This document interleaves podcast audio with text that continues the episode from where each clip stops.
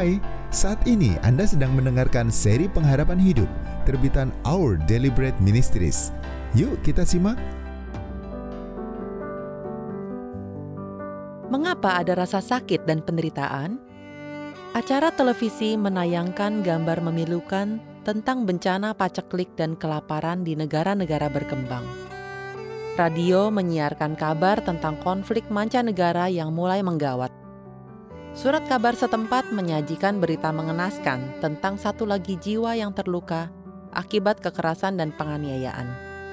Tetangga kita bercerita tentang sahabatnya yang menyerah dalam perjuangannya melawan kanker. Penderitaan tampaknya ada di mana-mana dan menimbulkan banyak sekali gejolak emosi dan pertanyaan yang menyakitkan. Kita mungkin bertanya-tanya, mengapa kemalangan dapat menimpa orang yang baik sementara hal-hal yang baik justru dinikmati orang yang jahat. Bagaimanapun, bagi banyak di antara kita tidak mengherankan bila seorang teroris terbunuh oleh bomnya sendiri.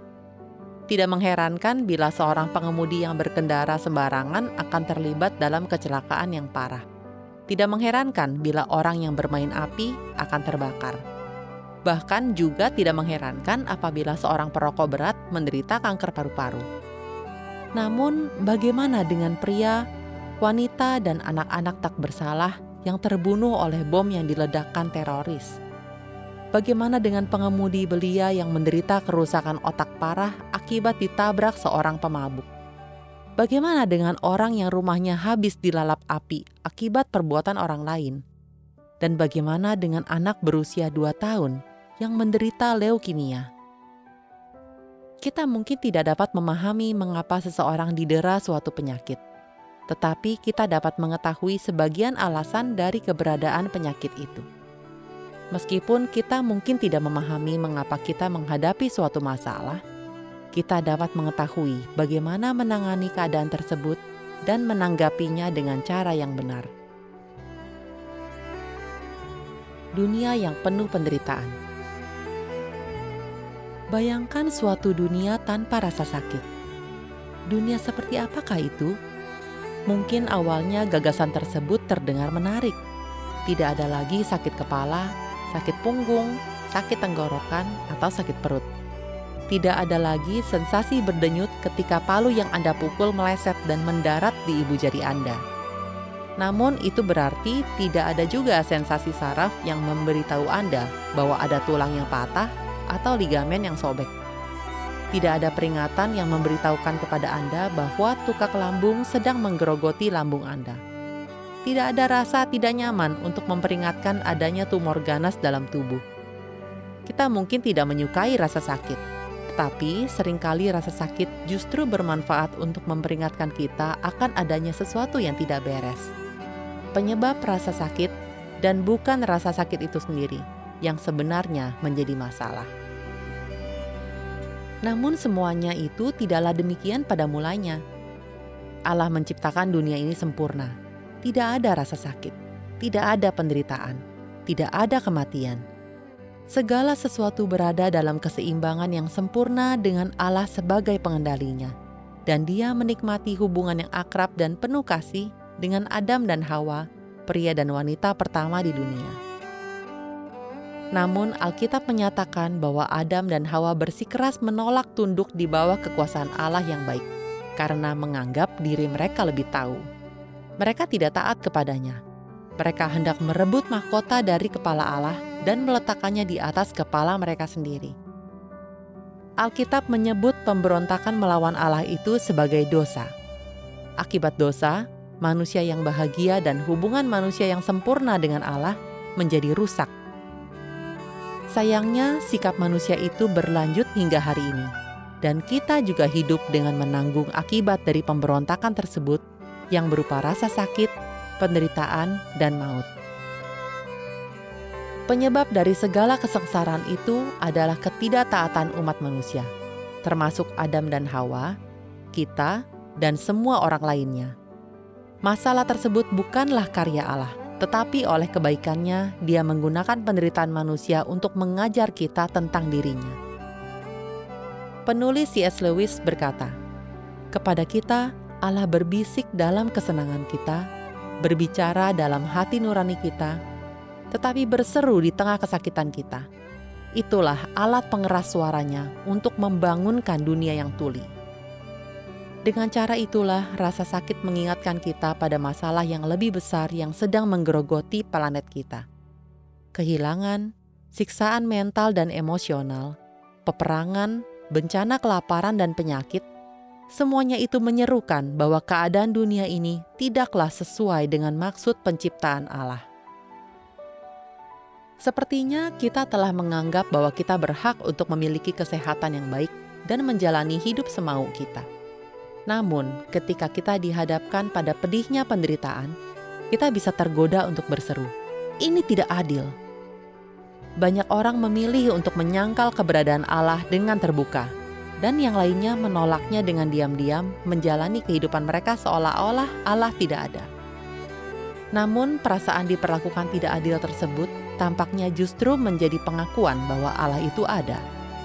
Meskipun demikian, dengan berbagai cara manusia menyatakan bahwa mereka menginginkan adanya dunia tanpa Allah. Jadi, Allah telah memberikan apa yang kita inginkan, suatu dunia tanpa pengendaliannya yang sempurna, dunia yang penuh penderitaan. Namun, Alkitab menyatakan bahwa Allah tetap peduli dengan penderitaan kita. Alkitab menceritakan tentang kasihnya yang begitu mendalam bagi kita, meskipun kita berusaha untuk melakukan segala sesuatu menurut cara kita sendiri dan terus mengabaikan Dia. Jadi, apakah kita hanya bisa berharap mendiami dunia yang penuh penderitaan ini? Dunia tanpa penderitaan.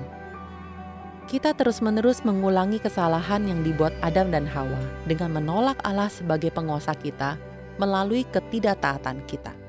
Kita semua bersalah dalam hal ini.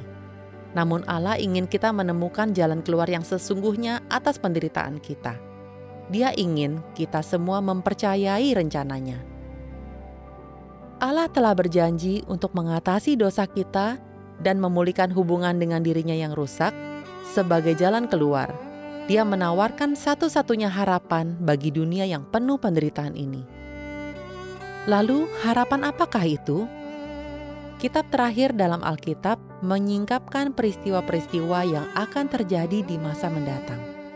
Di dalamnya, kita diberitahu tentang suatu masa ketika Allah akan memulihkan semuanya kembali sesuai keadaan yang Dia maksudkan pada mulanya. Wahyu 21 ayat 3 sampai 4 menyatakan kepada kita, Kemah Allah ada di tengah-tengah manusia dan ia akan diam bersama-sama dengan mereka.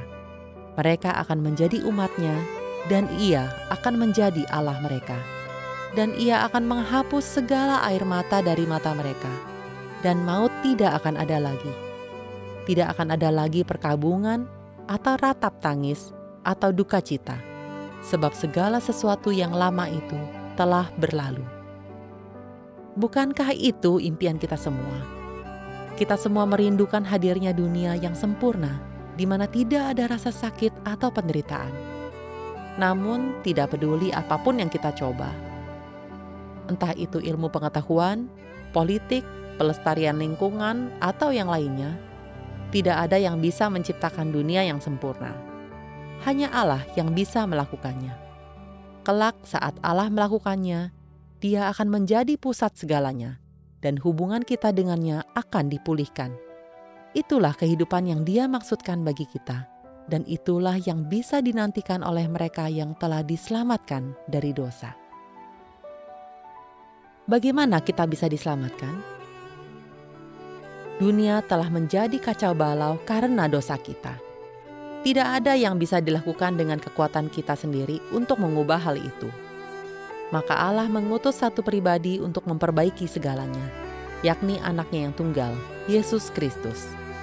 Menaruh kepercayaan kita kepada Yesus merupakan cara agar kita diselamatkan. Kita melihat hal itu dalam Alkitab. Karena begitu besar kasih Allah akan dunia ini, sehingga ia telah mengaruniakan anaknya yang tunggal, supaya setiap orang yang percaya kepadanya tidak binasa, melainkan beroleh hidup yang kekal. Sebab Allah mengutus anaknya ke dalam dunia, bukan untuk menghakimi dunia, melainkan untuk menyelamatkannya oleh dia. Yohanes 3 ayat 16 17. Alkitab menyatakan bahwa saat kita menaruh kepercayaan kepada Yesus, kita dijanjikan menerima hidup yang kekal. Artinya, saat kita meninggal dunia, kita akan pergi untuk tinggal bersama Allah, bebas dari rasa sakit dan penderitaan. Namun, apabila kita jujur terhadap diri kita sendiri, harus kita akui bahwa kita berdosa sepanjang waktu lewat apa yang kita pikirkan, lakukan, dan katakan. Jadi, mungkinkah kita bisa benar-benar layak bagi Allah untuk menerima kita? Karena waktu kita masih lemah, Kristus telah mati untuk kita, orang-orang durhaka, pada waktu yang ditentukan oleh Allah. Allah menunjukkan kasih-Nya kepada kita oleh karena Kristus telah mati untuk kita ketika kita masih berdosa. Roma 5 ayat 6 dan 8. Dalam kebaikannya, Allah mengutus anaknya yang tunggal, Yesus Kristus, untuk mati menggantikan kita dan mengalami kematian yang sepatutnya kita terima. Yesus mati bagi kita pada waktu yang ditentukan. Tanpa dia, kita tidak berdaya untuk memecahkan permasalahan dosa dunia. Yesus tidak sama seperti kita. Dia tidak pernah berdosa. Dia satu-satunya manusia yang tidak pernah menolak Allah namun, Yesus menanggung kesakitan dan penderitaan paling mengerikan yang pernah ada. Dia menanggung hukuman itu bagi kita. Dia ditolak, dipukuli, ditelanjangi, dicambuk, diejek, ditusuk, dan disalibkan demi dosa-dosa kita. Dia rela mati di atas kayu salib untuk menanggung hukuman atas ketidaktaatan kita, sehingga kita tidak perlu lagi menanggungnya. Demikianlah yang kita baca. Kristus telah mati untuk kita ketika kita masih berdosa. Luar biasa besar pengorbanan Yesus Kristus. Dia menyerahkan nyawanya bagi orang-orang seperti Anda dan saya. Namun, kisah tersebut tidak berakhir dengan kematian. Alkitab menyatakan bahwa Yesus bangkit dari kematian. Dia telah mengalahkan maut bagi semua orang yang percaya kepadanya. Itulah sebabnya kita harus percaya kepada Yesus. Ketika kita percaya, kita menempatkan Dia sebagai penguasa atas kehidupan kita. Penghalang yang diciptakan oleh dosa kita disingkirkan, dan hubungan pribadi kita dengan Allah pun dipulihkan. Kita bisa memiliki masa depan yang indah seperti yang kita baca tadi. Tidak ada lagi air mata, tidak ada lagi kematian, tidak ada lagi perkabungan, tidak ada lagi tangisan tidak ada lagi rasa sakit. Pikirkan kembali segala sesuatunya dari awal. Dunia ini bisa saja menjadi tempat yang penuh dengan sukacita, tetapi kemudian justru dicemari oleh penderitaan dan kesakitan di mana-mana. Kita rindu melepaskan diri dari kesulitan itu dan telah mencoba berbagai cara untuk melakukannya. Namun, hanya janji dan karya Allah yang bisa memberikan jaminan kelepasan kuasa dan janji Allah mengubahkan segala sesuatu yang kita ketahui dari dunia sekarang ini.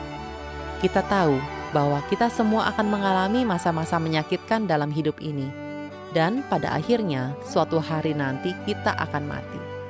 Tidak ada yang lebih pasti dari itu semua.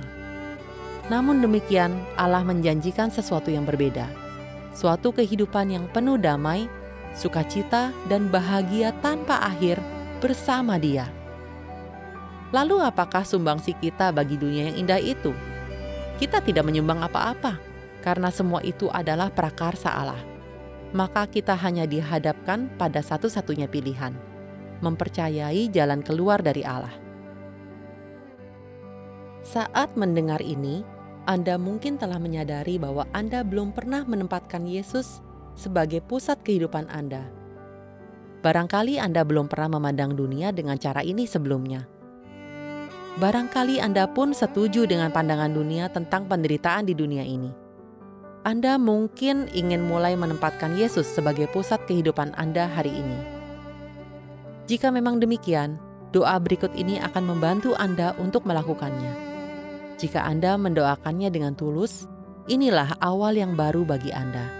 Inilah awal kehidupan Anda sebagai orang Kristen, dan inilah cara yang tepat untuk menjalani hidup di tengah dunia ini dan satu-satunya cara untuk hidup kelak di dalam dunia yang dijanjikan akan bebas dari air mata, maut, duka cita, kematian, dan derita.